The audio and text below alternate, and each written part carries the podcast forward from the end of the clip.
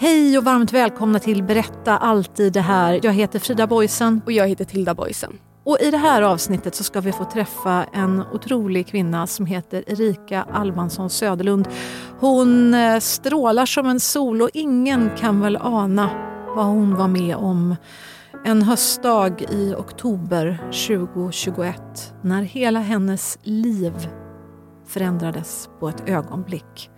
Följ med på en resa när hon berättar om hur hon hittade hoppet, ljuset och en framtid efter att allt höll på att ta slut.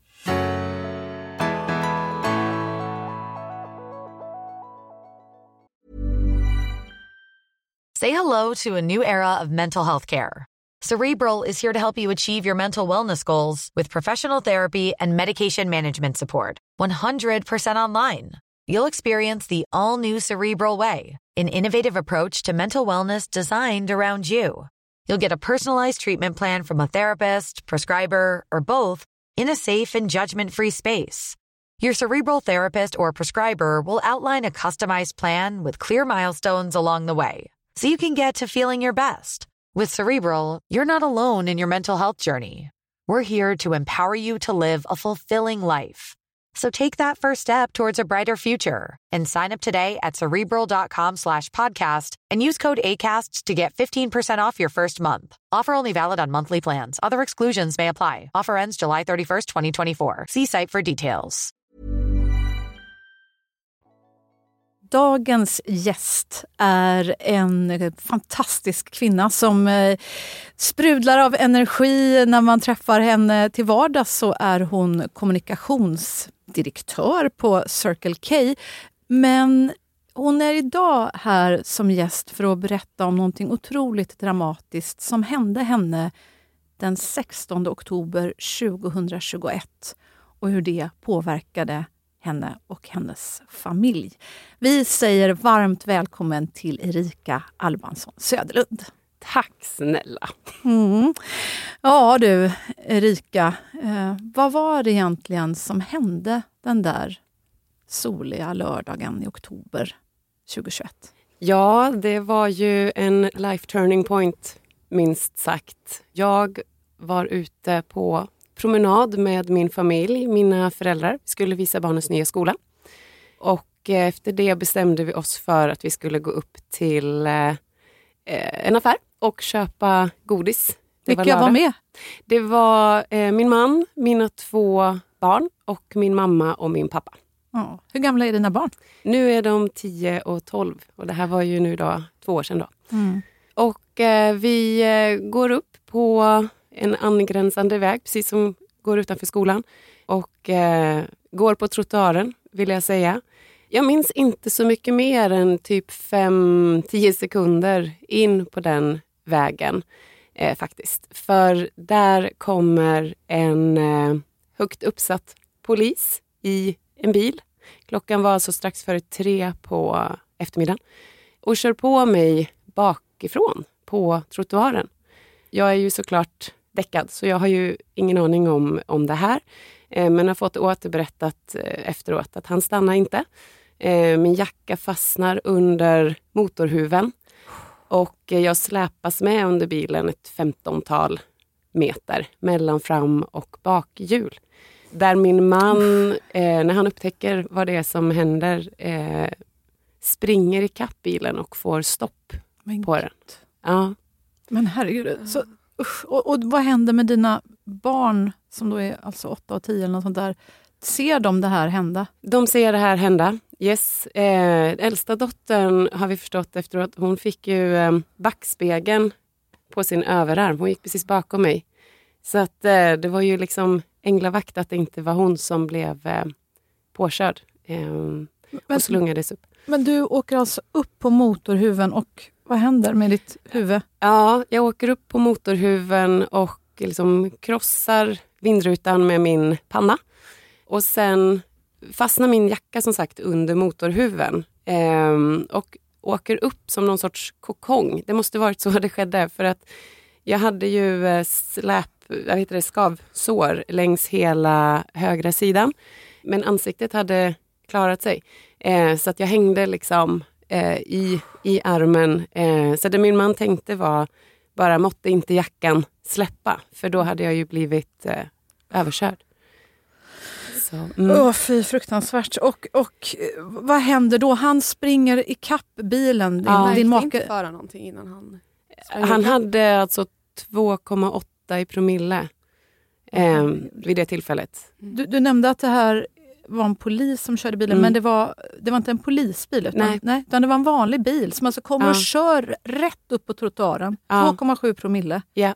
Var, var, han själv eller? Det var ja, ja, själv i bilen. Ja. Hoppar ut i flipflops okay. och undrar vad det var som hände. Så att, eh, ja, min man visste ju heller inte då vad som hade hänt, om jag hade snubblat ut i gatan eller så att han, han visste inte riktigt vad som, eh, vad som hade hänt. Men han var ju bara där och då liksom fokuserad på att få loss mig från bilen. Mm. Oh, gud. Ja, och, och vad, vad händer när du får någon slags kontakt med verkligheten? Vad, vad är det första du säger eller gör? Eller. Du vaknar till liv, du är i alla fall vid medvetande, eller? Ja, alltså jag kommer ihåg känslan väldigt väl. Jag var förbannad. Mm. Det var som att jag var mitt i en dröm av något slag. Och sen ser jag bara min man liksom luta sig över mig och liksom är helt chockad och bara, ja men du måste vakna, du har varit med om en olycka. Och jag bara, nej men lägg av. Liksom. Låt mm. mig bara vara. Jag ligger här och sover, låt mig vara. Vad, är det för, vad pratar du för strunt? Ja. Liksom. Jag kunde absolut inte ta in det här. Och han upprepade och upprepade. Liksom, kan du känna, alltså du vet, han var, han var det som väldigt, en dröm för dig då? Det var helt som en dröm. Helt som en dröm. Och liksom, men mina glasögon hade flugit av så jag såg liksom ingenting. Det var som, verkligen som en dröm då. Helt mm. Eh, dimmigt. Men sen liksom sakta men säkert så började jag komma till sans och bara, jag har sjukt ont i min fot. Jag har jätteont i min höft. Det är kladdigt i hela pannan, i hela nacken och det liksom bara pulserade i, i huvudet. Mm. Och sen så ser jag också, så inser att jag ligger på marken. Så varför skulle jag göra det i en dröm? Mm. Och så ser jag, de hade inte vågat dra ut mig, utan jag såg också att jag låg halvvägs under en bil. Oh, eh, så då började jag fatta så här, shit det här, det här är inte bra. Aj. Och så var det någon instinkt bara sådär, äh, men jag måste, okay, men jag känner mina fötter. Mm. Jag kan vicka på dem, jag känner vart jag har ont och tänkte så här, det måste vara, det måste ändå vara ett gott eh, första tecken. Mm. Och så försökte jag att hålla mig lugn, försökte ligga stilla. Sen kom jag ihåg också, det var en så sjuk bild, för det stod också en man utan tröja, ja. lutad över. Ja. Eh, men han var ju då i, i kontakt med eh, 112. Mm. Och de hade sagt att ni måste få stopp på blödningen, ni måste försöka lokalisera var i huvudet det blöder. Mm. Mm. Och han var liksom helt rådig och bara, okej okay, jag tar min vita t-shirt, oh. här får hon. Och sen började jag ju liksom frysa något så enormt. Mm. Jag vet inte om ni har varit med om, om chock själva. För att kroppen blir helt... Alltså jag bara mm. skakade. Mm. Det var som den största kylan någonsin. Och så mm. kom det liksom filtar och det, ja, det var folk där. Um, och så kom jag ihåg att han, den här som hade kört på mig var också fram och höll på. Jag bara så här, åh, bort, bort med dig. Liksom. Jag, ja. mm. orkar inte. jag kunde inte heller vara arg för jag visste inte vad som hade hänt. Nej. Jag hade ingen aning. Men eh, nej, det är en väldigt surrealistisk upplevelse. Men, var du rädd? Eh, jag ska säga att först så blev jag liksom lugn i att jag kände min kropp. Mm. Sen började jag tänka att så här, ja, fast vad har hänt inne i mitt huvud? Vad, eh, hur går det till? Jag tänkte på så här, invärtes blödningar och ja, jag har ju ingen aning så jag var väldigt mån om att bara ligga still. Och när jag hörde att de, så här, helikoptern kommer snart och då blev jag bara, men shit, man skickar inte en helikopter om man inte tror att det är allvarligt. otroligt allvarligt. Så då började jag bli rädd. Och var, alltså just också när man ligger och skakar helt okontrollerat. Mm. Det, är liksom, det var så mycket som hände mm. eh, samtidigt. Så att, um... Usch, ja, vilken eh, fruktansvärd upplevelse. Och eh, jag får helt tårar i ögonen när jag tänker på det. Och jag, jag tänker också på att, eh, att dina barn var mm. där. Såg du dem eller var de framme? Eller, eller hade liksom föräldrarna till dig kanske motat bort dem? Eller? Ja, alltså, jag har också fått berättat i efterhand att um, min yngsta dotter, hon bara hörde att alla skrek. Det här var ju då 16 oktober så det var en bit kvar till halloween. Men hon, hon tittade upp och såg, som hon upplevde, en blodig docka som hängde på en bil. Hon bara wow vilket coolt halloweenpynt. Mm. Tänkte hon och hon berättat. Eh, men sen såg jag att det var du mamma som hängde där. Och den, den bilden är ju antagligen något som hon kommer få leva med. Alltså minnes, minnesbilden, syn, synen av det här är ju någonting som liksom inte, det har inte försvunnit än hos henne. Och min andra dotter, så hon, men hon blev paralyserad mer. Den andra dottern hon, blev, hon var så arg så hon, hon kom liksom fram och ville konfrontera och den här mannen som Jaha, hade kört. Alltså hon reagerade, Ja. De reagerade väldigt olika. Och min mamma var nog väldigt, i väldigt chock. Hon är en otroligt handlingskraftig person. Mm. Men jag tror att hon frös och visste inte vad hon, hon skulle göra. Men, men så vet jag att min pappa bara, du måste ta hem dem, du, de måste Ja. gå. Så då fick hon med dem hem. Ja. Eller då började de gå och precis när de kom tillbaka till skolan så landade helikoptern. Och då skriker Åh. bara min äldsta dotter, nu dör hon. Nu Åh, dör hon. Gud. Och så sprang eh, hem. Eh, hon sprang liksom bara i förväg. Mm. Så min mamma hade kvar den lilla... Eh, ja. Så det är typ, min mamma är nästan en av de största hjältarna i den här. För hon, hon blev ju kvar hemma med barnen och ska försöka vara stark för dem samtidigt som hon inte har någon aning. Hon visste att jag, att jag levde. Hon visste att jag kunde röra på mig, alltså på fötterna. Men hon visste ju inget mer. Och min eh, pappa och eh, man eh, åkte ju, de fick också köra bil själva. Det var också så konstigt eh, att liksom åka iväg utan att ha någon aning eh, till Karolinska. Ja, Gud, jag är helt i tårar här. Alltså, Ja, det är så det. fruktansvärt det, Ja, här. verkligen. Alltså, Ja. lider så med dina föräldrar och barn. Och, Ja, usch. Ja. nej, men man märker hur, hur olika folk eh, Mm. reagerar i såna här, eh, såna här eh, situationer. Ja. Men du frågade där om jag var rädd också. Det, Ja. När jag blev riktigt rädd var dels när jag fick höra att helikoptern kom och de liksom, ja, de ehm, agerade ju verkligen som att det var kris. Och när jag landade där på, på Karolinska så var det ju säkert tio läkare eller tio olika specialister som bara du vet, svärmade. Eh, och det var ett, som en sån fabrik. Liksom. Ja. I vilken ordning vad ska göras. Så det klipptes kläder och det åktes in i rör för att röntga. Och det, alltså var du det var medveten så, när allt det här hände fortfarande? Ja, men jag såg ju fortfarande ingenting. Nej. Nej, just det. Ehm, men eh, jag tror att jag fick nog Du hörde något mycket kanske. lugnande Ja. i helikoptern. Just för att eh, jag kände ändå att... Och sen hade jag fått en sån här värmefilt, en sån här Ja. silvrig Mm. prasslig traumafilt. Ja. Men jag frös ändå liksom, under den. Eller det kom och gick liksom. När jag började tänka så bara skaka. Ehm, men ganska snart så fick jag, för det, ja jag förstår ju, de tittade ju först liksom efter eh, inre blödningar. Ja. Så att den fick jag ganska snart. Så här, du har inga inre blö- blödningar och inga frakturer. Och de var så här, Inga frakturer. bara, och det är, det är omöjligt efter vad du har varit Ja, med om. Liksom. Så de började redan där prata om änglavakt och att man klarar sig inte eh, så här. Vi får in så många släpolyckor. Mm. Eller, ja, Mm. ehm, Ja, jag och det- ryser när du säger det här. Alltså, hur känns det då när du ligger där och den lättnaden antar jag? När du, du förstår ju ändå, även om du kanske är lite omtöcknad såklart och Ja. har fått lite lugnande kanske, men vad de säger, du har inga inre blödningar och du har inte ett brutet ben i kroppen. Jag menar, när de säger änglavakt, vad, vad tänker du då? Alltså det, Alltså jag tänker, blir man sådär religiös i ett sånt ögonblick? Nästan Ja. tänker, vad är det, hur kommer det sig? Vad var det som hände? Varför jag?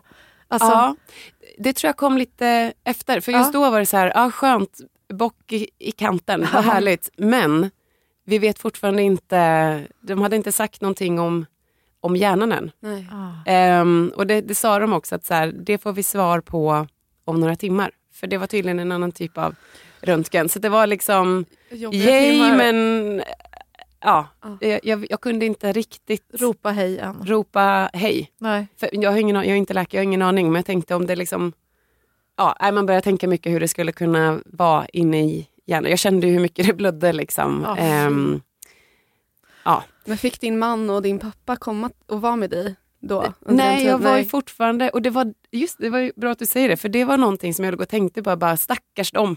Stackars alla, de visste inte ens om jag om jag lever. Så här, kan Åh. jag, för jag hade inte någon telefon, den hade Nej, farit iväg. Och jag hade också bara en sko, alltså det var så mycket konstigt liksom, Mm. som jag ändå låg och funderade på. Så här, Undrar var den skon är och på mina glasögon tog vägen. Ja, det var mycket konstigt.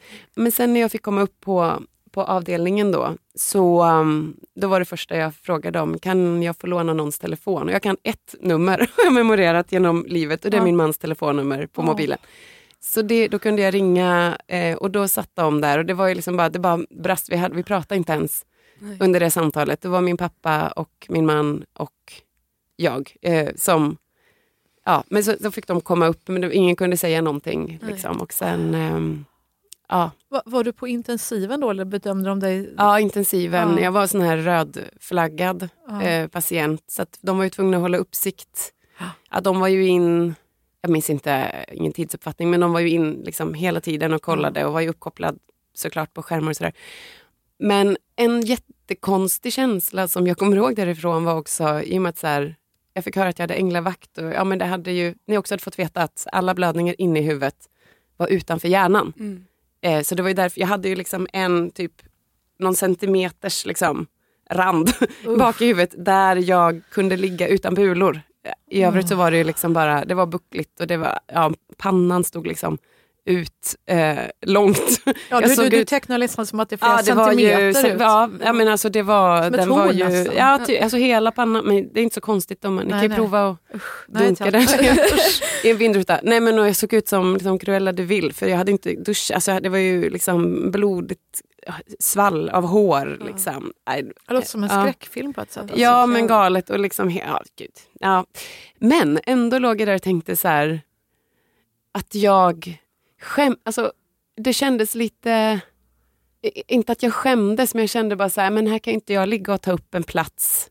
Liksom, jag... Eh, Men gud vilken konstig ja men så tanke. himla Ja, konstigt. ja. I rummet bredvid låg någon så här som hade blivit skjuten. Alltså det Ja. var, det var så polisbevakning på den personen Ja. och jag bara, här ligger jag. Fast sen samtidigt bara, ja, fast jag kan inte röra mig och jag kan inte titta.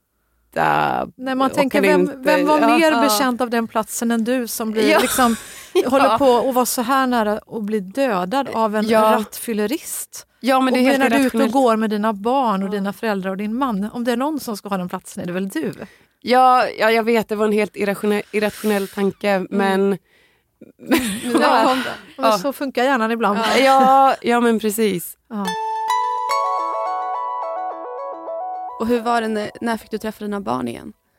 Men jag låg kvar på sjukhuset i ett dygn Mm. och sen fick jag ju träffa dem. Men jag var ju, jag var ju relativt mycket ett vrak Ja. eh, de första veckorna. Jag, eh, men, jag kunde läsa liksom, ett sms och sen Mm. var det dagens skärmtid slut. Liksom. Så att jag låg i princip bara ner. Och eh, jag, åt ju, jag fick ju morfin, hade mycket smärta och var väldigt liksom, mörbultad. Det var svårt. Jag hade ju liksom köttsår liksom, Ja. på höften. Jag hade så svårt att eh, röra mig eh, och ens ha kläder på mig. Typ. Ehm, så att den var mm, en otroligt märkligt. Jag är en väldigt aktiv person normalt sett, men att liksom bara ligga där. Ja. Och, och jag vet, jag bad så kompisar skicka spellistor. Eh, Åh. Bara för att, och det, jag fick liksom en kompis skickade en spellista i, i veckan.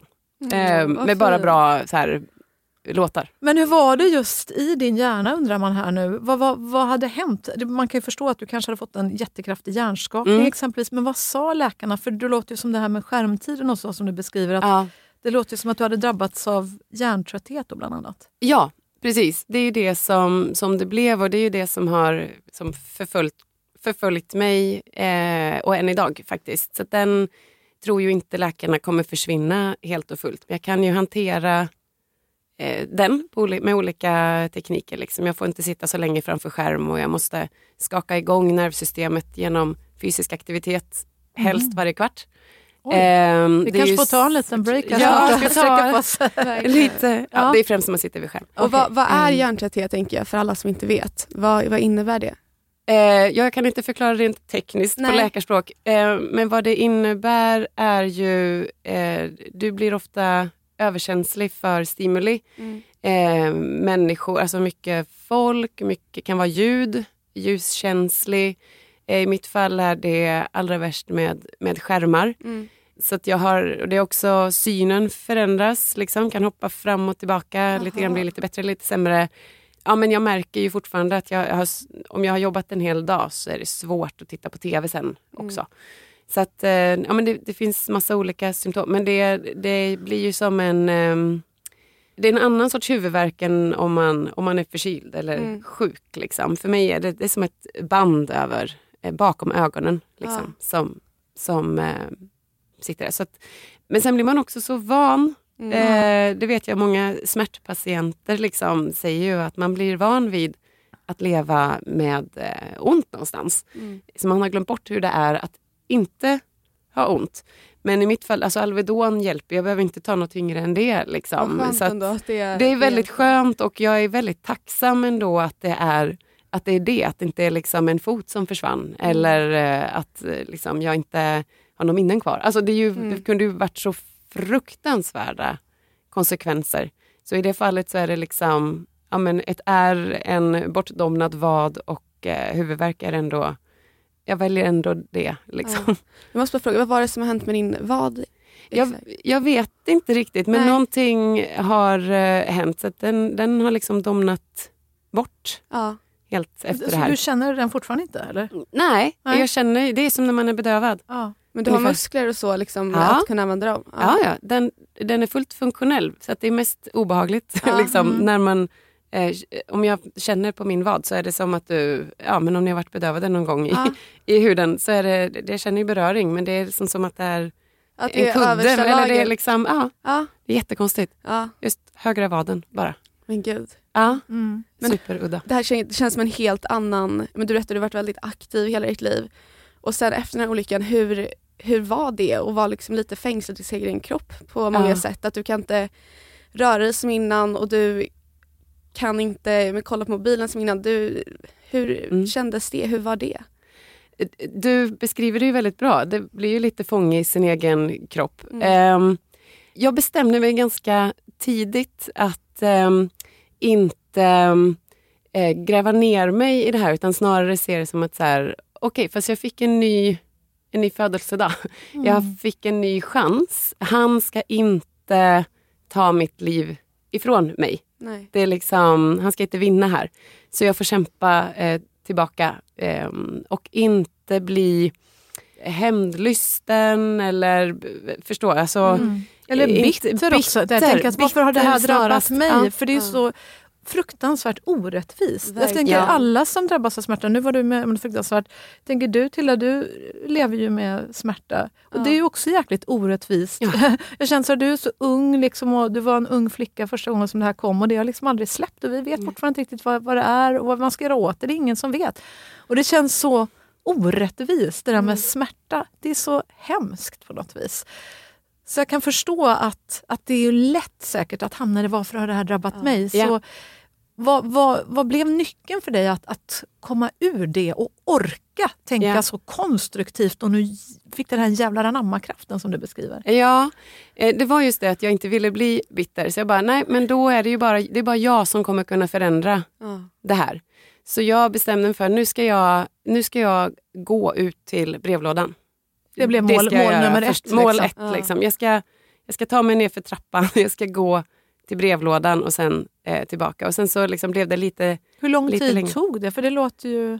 ehm, Det kanske var, tog det veckor? Ja, typ, det kanske var ett par veckor innan jag kände att jag var också... Ja. Jag hade, jag var väl, hade oerhört ont i, eh, i min eh, ankel, alltså på högra Ja. sidan. Så jag hade liksom svårt att gå. Den var inte bruten men det var ju mjukdelsskador. Liksom. Ja.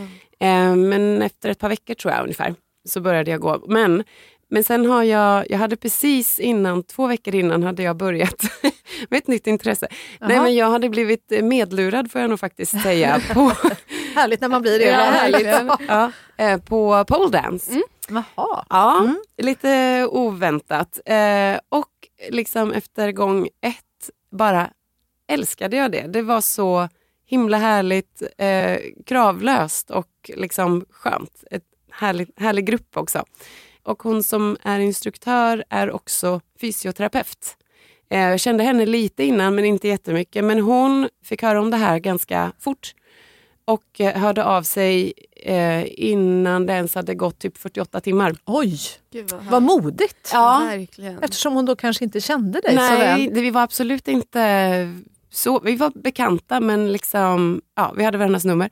Och sa att så fort du kan sätta dig i en bil så behöver du komma hit. Gud vad fint. Vad betyder det för dig? Ja, men, eh, det var att, att det också var en person som, som jag inte kanske hade i mitt liv på det sättet, om ni förstår. Liksom, Som man har sina andra vänner som hör av sig. Eh, det var att, att någon brydde sig så mycket och jag vet att hon är väldigt duktig. Så att, det kan, vad kan det ha tagit? Det var nog efter den där promenaden ut i brevlådan. Då, då bara, nu, nu åker jag dit. Och hon har lärt mig så mycket för hon är väldigt duktig också på hur nervsystemet fungerar och massa konstiga knäppa tester tyckte jag. Jag bara, varför ska jag blunda och lyfta upp armarna? Och, äh, det var så mycket konstigt. Mm. Men så fick jag några som små styrkeövningar för nacken. För det hon berättade var just att när man utsätts för ett sånt här trauma mot huvudet så lägger de små musklerna av. De, slut, de som, som sköter liksom mikrorörelserna, Mm. de slutar att funka, de checkar ut för att man inte ska kunna röra sig så mycket. Så det är ganska fiffigt av kroppen. Mhm. Och då behöver man väcka dem till liv Mm. ganska fort. Och det kan man märka genom att nacken hackar. Liksom. Om man lutar, sig, lutar huvudet Mm. bakåt Ja. och framåt så, så är det som att det hackar, som en dörr knarrar. Liksom. Ja. Så det fick jag som styrke, styrkeövningar för, Ah, eh, för de här minimusklerna. Eh, lite annan typ av styrketräning än vad jag haft innan. Och sen också var hon så här, och vet du, sen älskar hjärnan eh, lite puls. Mm. Så nu ska du få springa på löpbandet. Okej, inte efter en och en halv vecka, men det var alltså kanske max tre, tre och en halv veckor efter olyckan. Så var hon så här, du ska få jogga lite här nu. Jag bara, det känns ehm, märkligt. Hon bara, Mm. lita på mig. Så då fick jag börja jogga lite grann och börja känna att så här, ja men det här funkar. Och nu snackar vi alltså en minut. Liksom. Mm. Och sen gå. Så att det, var, det var inte eh, konditionsträning utan det var bara för att pulsen skulle Ja, upp lite hjärtat grann. skulle få slå. Liksom. Hjärtat skulle ja. få slå och man skulle få cirkulation. Och sen var det en väldigt progressiv fysioterapi samtidigt som jag fortsatte med pole. För det var också det att hon berättade om hjärnan, att hjärnan gillar att vara i olika positioner, även upp och ner. Jaha. Eftersom jag är gammal gymnast så, så var hon liksom, en av fysioterapiövningarna var ju att bara stå på händer några gånger om dagen. Mm. Och så sagt, det här är väl inte liksom gemene mans fysioterapi utan man får ju såklart Mm, utgå ja, ja. från där man är. Men det var också en, det var en life changer för mig att ha studion att gå till. För jag kunde ju inte jobba, alltså jag, jag försökte börja jobba så fort som möjligt och jag jobb, började nog jobba lite för tidigt kanske men eh, jag ville bara komma tillbaka Mm. till, till så som det var, så gott som. Men eftersom jag absolut inte kunde titta på skärm så var det, ju- det ganska begränsat mycket jobb man kan Ja. göra som kommunikationschef Jo, om man ja, inte ja, kan jag sitta vet. med sin jag känner, dator. Gud vad jobbigt när man just är Mm. kommunikationschef. Att... Ja, eller vilket jobb som Ja, helst. jo, det är klart det finns många jobb som är Eller jobbiga. vara ungdom, eh, jobb, Ja. jobbigt utan sin telefon. Ja, ja, just det. Eh, jobbet ungdom. Alla. Ehm, Men vad skönt ändå att kunna ha det. Jag tänker också Ja. att det måste vara så befriande att ta de här små stegen. Att ah, men nu får du gå upp på det här löpandet. Nu får det här. ja. Dels att ha någon som faktiskt också kan driva en lite och så här, för jag det känns för själv förmodligen väldigt läskigt också Ja. att våga typ springa igen efter det. Tänk om man Ja. förstör, eller jag kan tänka mig att det är så det känns. Och då Precis. ha någon som ja, men dels driver en i det och hjälper en men också att man kan liksom komma små mål på vägen.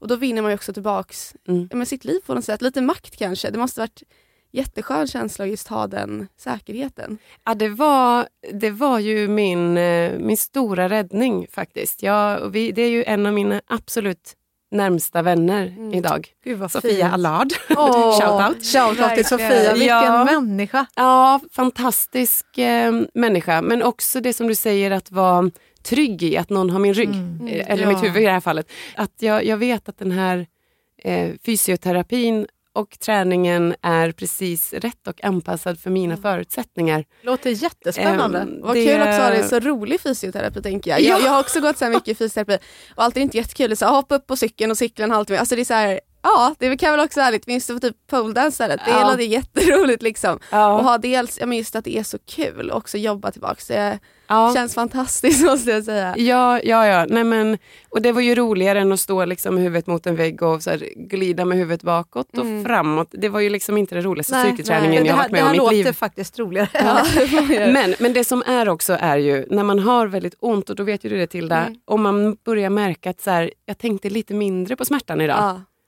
Och sen efter någon vecka eller någon månad så här, ja, men nu, nu har jag, kan jag trappa ner liksom, Mm. på Alvedonet till exempel. Mm. Nu behöver jag inte ta full dos. Nu kan jag, alltså man märker att det går framåt. För det var ju det som var målet. Det fanns ju liksom inget skönhetsmål eller vad ska jag säga, Ja. som man, man kan träna för. Ja. Får, jag, får jag bara ställa en fråga här? För det, det är just jätteviktigt det du säger. Jag tänker en sak som åtminstone en läkare har sagt till dig Tilda, det är ju så Ja. att ja tyvärr, men du kommer ju ha så här ont i resten av ditt liv. Mm. Och det, alltså jag kommer ihåg första gången en läkare sa så till dig, du var inte gammal, du Nej. kanske var 11 år eller någonting. Ja. Och säga så till en 11-årig flicka, det är ju som, hur var det Tilda? Ja, alltså det, jag blev ganska frustrerad just då framförallt. Alltså dels är det ju så här, lite av typ en dödsdom på något sätt. Känns som just när man är så liten att säga, ah, nej, lycka till typ. Man bara, "Jaha, tack för den. Och sen just har det varit så många gånger de typ så här, men det är inte på riktigt, det finns inte, din smärta är låtsas liksom. Och sen just, nej du har ont resten av ditt liv. Det var så, jag kände mig så, ja men inte trodd på. Och lite Kränkt. jag kränkt men också typ lite gaslightad på något sätt. Just att det är så här, men typ att det är bara ditt huvud, allt det här. Och att man inte kommer ifrån det, det kändes väldigt, väldigt jobbigt för mig. Men sen för mig så hjälpte ju ridningen väldigt mycket i det. Och det är kanske lite som poolen var för dig, att man hittar något som blir en fristad på något sätt. Att det, det är kul och det känns bra för kroppen och man blir starkare. Man blir också bara, men det är så kul att man på riktigt glömmer smärtan på något sätt. Och det är så ja, men frigivande verkligen, att man kommer ifrån det, man hittar ja, men sin mening på något sätt blir det ju. Och en familj. Ja, men det blev väl samma där för dig, för du kan ju inte komma och, till din ridning och liksom inte vara närvarande med hästen. För Nej. då går det ju skitdåligt. Ja verkligen. Man kan inte tänka på annat. Liksom. Nej. Och det är samma för mig, för då faller jag i golvet. Det är Ja, inte bra heller. Liksom. Nej. Men nu var, det, var det någon läkare som sa så till dig i början att eh, Erika, det här kommer du att få ha i resten av ditt liv? Alltså för mig var det ju precis tvärtom. De sa Ja, att de allra flesta eh, blir av med det här, framförallt liksom med, med fysioterapi och så här. Så att det, och då, ja, vi vill inte säga något exakt men eh, nästan alla är ju av med allting var det först så här, efter fyra månader. Jag bara, bra, okej fyra månader det kan jag stå ut. När fyra månader kom jag bara, fan jag har sjukt ont i huvudet fortfarande. Mm. För att kroppen läkte bra, ska jag säga. Den, den kunde jag fixa. Mm. Men huvudet kunde jag liksom inte fixa. Och de bara, ah, fast det kan också dröja sex månader innan det är helt bra. Ja, okej, bra, då är det två månader kvar. Jag kämpar på. Mm. Nej, fortfarande inte bra. Eh, och sen gick jag upp och började jobba heltid igen och liksom, jag förstörde väl lite för mig själv. Liksom. Men, men eh, jag såg små, men då, då gick det så pytte, pytte långsamt framåt från att ha eh, liksom, avancerat mycket. Och sen efter sommaren då, så förra sommaren eh, 2022, då gick jag till eh, min läkare igen och bara, men det här det känns inte bra. Ska jag liksom äta Alvedon resten av livet och bara nöja mig med det här? Och då fick jag samma som du, så här, Mm. ja, nej men jag ser nog ingen, det kommer nog inte bli något bättre nu utan du får, får leva med det här. Det blir jobbigt men eh, du får leva med det här. Ja. Ha det gött, hej. Mm. Och när det landade jag bara, va? Mm. Från att så här, nej men fyra månader, sex månader, alla blir av med det. Bara, Alltså nej, vändning i... det kommer, inte, det kommer aldrig bli bra. Nej. Och först blev jag helt eh, chockad och jag blev så nedslagen. Jag bara, ska jag leva med det här? Då blev den här känslan igen, då började jag liksom hata på honom igen. Ja, jag bara, det kan jag "Din verkligen jävel", förstå. Liksom. Ja. Men sen så kände jag också bara att nej, nej det kan inte stämma. Så då gick jag tillbaka till Sofia igen. Mm. Bara, jag hörde det här, är, liksom, är, är ska vi acceptera det? Hon bara, aldrig. Det var det dummaste jag hört, kom här. Mm. Direkt liksom, innan poleclass, hon bara, nu in och så gjorde hon nya tester och, och, och, så här, och även en kollega till henne. Och de bara, nej men det här, det var det dummaste vi har hört. Eh, Men gud, jag, så här ska vi göra. jag älskar riktigt bra fysioterapeuter. Ja. De, är, de, de kan ju kroppen Ja. på ett magiskt sätt. Alltså, det finns fantastiska läkare också givetvis. Verkligen. Men ofta har min erfarenhet varit att de sådär, ibland har varit sådär lite kategoriska, vet inte riktigt vad det är. Nej, just de är inte ofta så bra på smärta. Alltså det har de sagt till mig, Ja, det har en de överläkare på Ja. en smärtklinik eh, på en av eh, Stockholms största sjukhus, just att vi kan inte smärta i Sverige. Utan vi kan cancer, vi kan brutna ben, vi kan allt det här och det kan vi behandla det bästa sättet vi kan. Men smärta är inget den alltså, västerländska sjukvården överlag är så bra på. De vet inte med långvarig smärta hur man ska göra. Så de har sagt till mig att testa österländsk sjukvård och sånt. För de kan inte det. Men det kan ju just fysioterapeuter och folk som jobbar typ med men mer på hur kroppen och musklerna och systemet funkar. De har ju ofta lite tics, eller tricks med det som just ja, men vanliga läkare kanske inte har. Mm, alltså upptäck fysioterapi och som du som blev ja. bästis med din eh, fysioterapeut. Ja. Häftigt. Det är en bra bästis Ja, det förstår jag. Ja. Otroligt värdefullt. Ja. Och jag tänker också eh, för alla, alla som lyssnar att, att vi kanske ska inspireras av vad hon vågade göra. Att hon vågade höra av sig till dig mm. så tidigt. Alltså fastän inte ni kände varandra så väl då. Mm. Alltså jag tänker att ofta när människor drabbas av en helt fruktansvärd kris så blir ju kanske vi andra runt den här människan livrädda. Mm. Kanske börjar tänka på shit, åh herregud, tänk om det hade varit jag, och gud vad hemskt för den familjen, och oj oj oj mm. vad hemskt, de måste ha det nu och vad ska vi göra? Vi skickar lite blommor kanske. Och så vågar man liksom inte göra mer för man kanske är rädd för att göra fel, rädd för att säga fel, rädd för att störa. Då kommer det så här, rädd, rädd, rädd, rädd upp typ på tio rödlampor och då vågar man inte göra någonting. Nej. Fastän då säkert alla dina vänner, alla dina kollegor gjorde säkert ingenting annat än att prata om stackars Erika, gud vad jobbigt för henne och hennes familj. Mm. Så tror jag säkert att många som hade så mycket omtanke i sina hjärtan inte vågade höra av sig. Vad, vad tror du? Ja, men det är intressant här, för det, jag har väl aldrig haft så mycket blommor i mitt hem. Ja. Det kom liksom från höger och vänster. Man blev ju så glad. Mm. En person stack ut och det var Sofia. Hon, eh, hon, eh, på hennes kort stod det “Men för helvete”. Det som började så bra, skärp dig! alltså typ, ja, med, med, så mycket humor oh. och att liksom nu måste du ta dig tillbaka. Liksom. Du, är, mm. du är studions nya stolthet. Typ. Oh. Alltså, hon skojade ju mycket. Uh. Men Ja, det, det, det, är så hon. Så skönt också. Ja, men hon är så att filterlös Att få någon som har humor ja, men också. Ja, hon som inte bara typ, åh nej. Eller alltså, med, med, omtanke är fint men det är så här, att det kanske kan vara skönt istället för åh stackars dig, jag hoppas ja. det blir bra och att man har någon som är såhär, men nu kör vi igen liksom. Skärp dig. Omtanke är fantastiskt också men att man har någon som säger nu är det dags liksom. Ja. Att det, det måste vara väldigt drivande. Ja. Du var ju inne på den här mannen när du eh, tillbaka till när du fick den här backlashen att smärtan inte gick över hur lätt som helst. Liksom. Och, och då undrar jag förstås, blev det någon rättegång? Mm. Det blev det, säger mm. du. Ja, och, och vad händer då? Och hur är det att möta den här mannen som du vet har orsakat all den här smärtan för dig, med kanske livslånga konsekvenser, definitivt för dig. Och inte bara för dig, utan för dina två små barn som är vittnen till alltihop. Mm. Det är ju, om jag börjar i den änden, så är det ju det som är det jag är mest, jag får ändå använda ordet förbannad mm. över. För att jag, på ett sätt så råkar, har ju jag haft den enklaste rollen i det här i och med att det gick så pass bra ändå. Jag har inte sett någonting. Jag får inga flashbacks från händelsen. Men min man får det, mina föräldrar får ju det, mina barn får det och framförallt en av dem som har drabbats väldigt hårt eh, av det här och kämpar fortfarande mm. mycket. Men, men till frågan med rättegången, det var det tog ju nästan ett år innan det blev en rättegång. Och vi var ganska väl förberedda. Vi hade fått ett juridiskt ombud som var jätte, jättebra, tydlig, gick igenom med oss och vad vi kunde förvänta oss. Så vi visste att straffsatserna i Sverige är låga. Vi vet att skadeståndsnivåerna är låga. Så vi visste liksom, men det, det var inte det utan det var ju att få ett avslut. Mm. Så en del av mig längtade efter det där avslutet för att liksom bara göra ett bokslut med allt.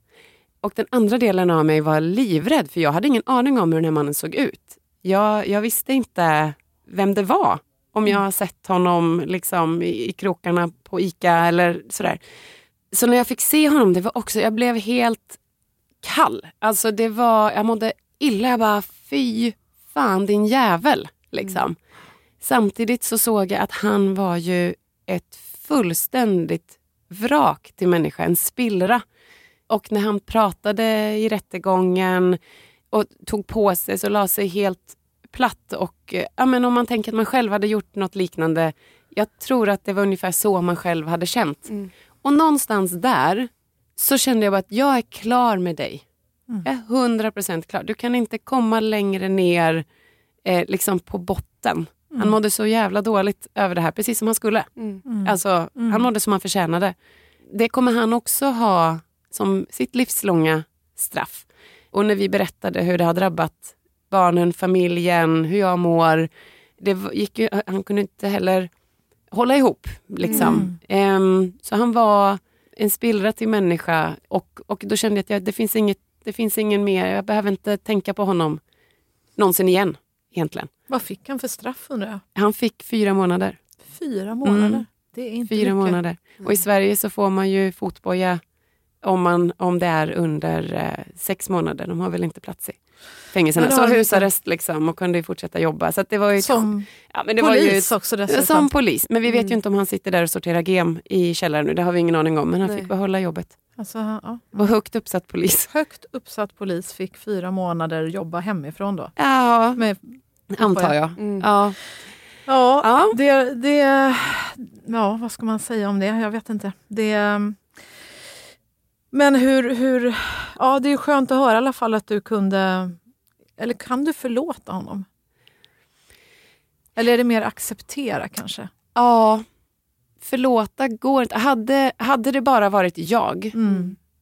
och det hade bara varit främlingar som, alltså det hade gått lika, likadant men om vi liksom tar bort att min familj var där och behövde uppleva det här. Vad är det värsta med eh, de konsekvenser liksom det har inneburit för din familj? Vad är, vad är liksom det värsta som det har inneburit? Ja, men det värsta är vad det har gjort med mina barn. Eh, det har varit svårt att komma ut och cykla igen Mm. för att man kan ju bli påkörd. Eh, när jag är bortrest eller min man är bortrest har det funnits eh, panik liksom, över att vi inte ska komma tillbaka igen. Det kan också ha varit, i början var det bara vi gick till affären. Ja men det är jobbigt, det har varit panikattacker i skolan. Det har varit, det, Mm, det är är klart. De är inte out of the woods. Eh, Nej, såklart. Än. Det är väl, alltså, jag får igen tårar i ögonen. Nej, men man blir Ja. ju just det, nej, men det är just när det drabbar barn. Jag förstår verkligen din, din känsla där. Att det Mm. känns så förjävligt att, att barn ska behöva utsättas för, för ett sånt här brott. För det är ju liksom ett brott mot deras frid. ja, plötsligen är de medvetna om att eh, man kan dö Ja. när som helst. Ja, och liksom ha det här på sin näthinna. Usch. Ja. Men det, det blir liksom ingenting eh, som... eh, Det är inget brott höll jag på att säga. För det här är egentligen tycker jag på ett sätt ett brott också mot de här barnen som får Ja. be, bevittna ett sånt trauma Mm. som följer dem Mm. sen. Förhoppningsvis så kommer det säkert att bli, bli bättre. Man vill ju som sagt inte ge någon en sån där dom som, Nej. som ni alla har fått. Utan det, är liksom, det, det kommer säkert att bli bättre. Men att de får vara allt skit de har varit med om. Alltså usch. Ja, men det är ju Jävligt. svårare.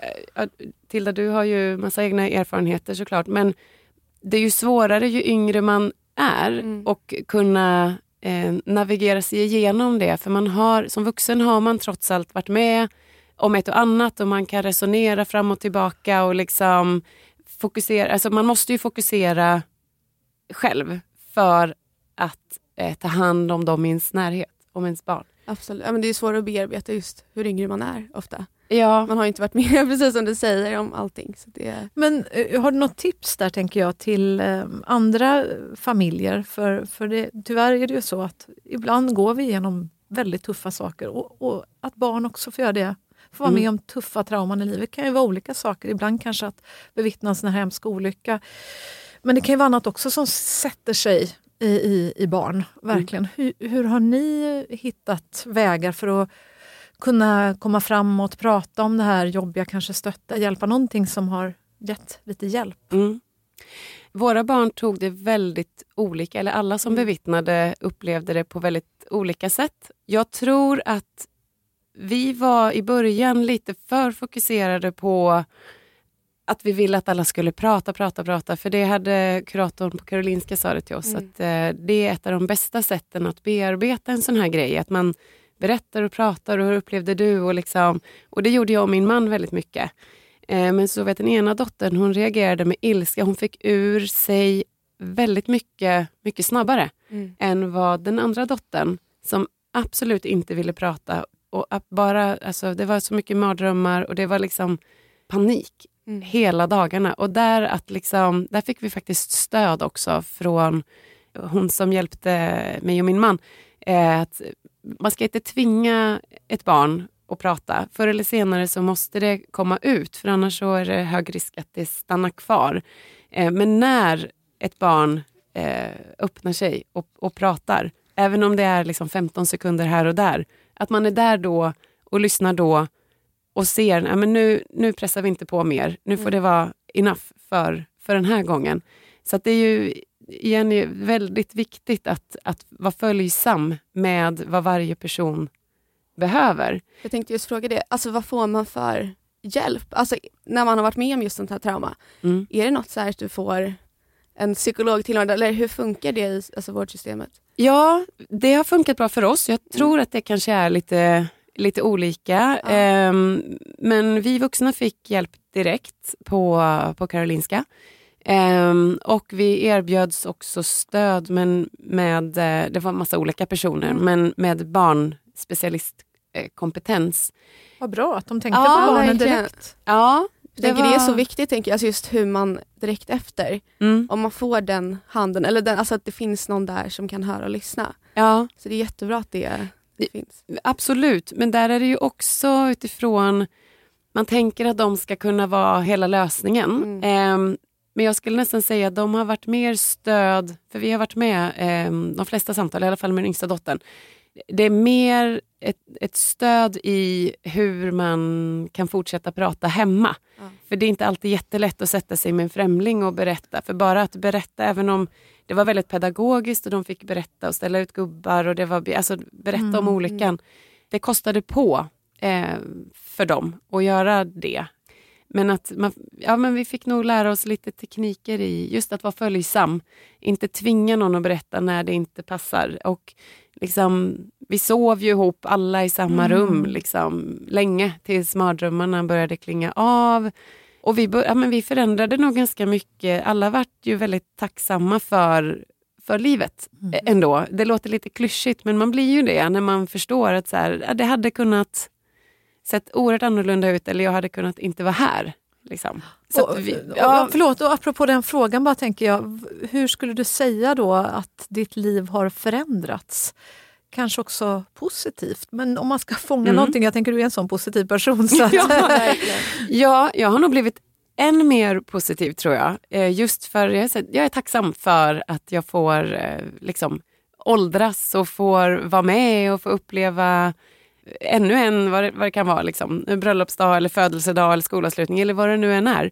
Eh, man får vara med ett år till. Liksom. Och jag skulle säga att vi har ju blivit mycket bättre i vår familj också att göra saker tillsammans. Det gjorde vi förut också, men det har varit väldigt mycket mer familjetid. Vi, har, vi hittar på mer saker, vi har bättre samtal. Eh, vi, nu har vi pratat om sjukt svåra och jobbiga saker och tänk om och, och sådär. Och att ha varit igenom det gör nog att det är lättare att prata om pretty much allting, mm. upplever jag. Det, vi, har en, vi har närmare till varann. Ja, vad fint Ja, att, att en kris som eh, kostat er så mycket också faktiskt har med rätt inställning kunnat också bygga någonting. Mm. Och, och någonting fint. Ja, otroligt. Ja, wow. Ja, jag är helt eh, rysig. Jag ryser på både ben och armar och har gråtit så mycket under det här samtalet. Men både av, av, av, av, av sorg av, vad- av vad du och din familj har fått vara med om, men också faktiskt av hopp och glädje.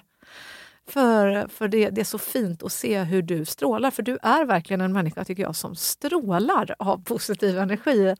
Så det kanske kan vara hopp för andra som lyssnar, tänker jag, att man kan vara verkligen i ja, usch, nästan dödsskuggans dal. Alltså att bli släpad under den där bilen och tack vare någon jacka, Mm. Bra kvalitet på den. ja, verkligen, till att du liksom strålar här idag och åker upp och ner för den där polen. Ja. Men jag, alltså, jag, jag, ja, igen, det handlar väl om eh, inställning tror jag. Mm. Man, det kommer ju inte bara till en, så, utan man måste ju någonstans bestämma sig att nej, men det här ska, det ska bli bättre och det ska till och med bli bra. Mm. Så att välja. Och kanske hitta något som är kul också, Ja. som poledancingen. Eller ridningen. Ja, eller Nu ridningen. är jag allergisk Alltså, men annars. Och så just där som du också gjorde, hitta de där stegen. Först ska jag ta brevlådan. Det ska bli mitt första mål. och så nästa och nästa. Tack Erika och eh, vi ses snart igen hoppas jag. Tack! Hoppas att du blev inspirerad av att lyssna till Erika och, och, hennes väg ur någonting otroligt dramatiskt och fruktansvärt som drabbade henne och hennes familj. Jag blev i alla fall otroligt eh, drabbad och eh, ja, så himla inspirerad. Så eh, dela gärna med dig av det här avsnittet till andra. Jag hoppas att det kan ge någon annan som är i en väldigt tuff situation nu och vi är så glada att just du lyssnar på podden och vill du hjälpa oss får du jättegärna gå in och betygsätta oss. Och tack för att du har lyssnat.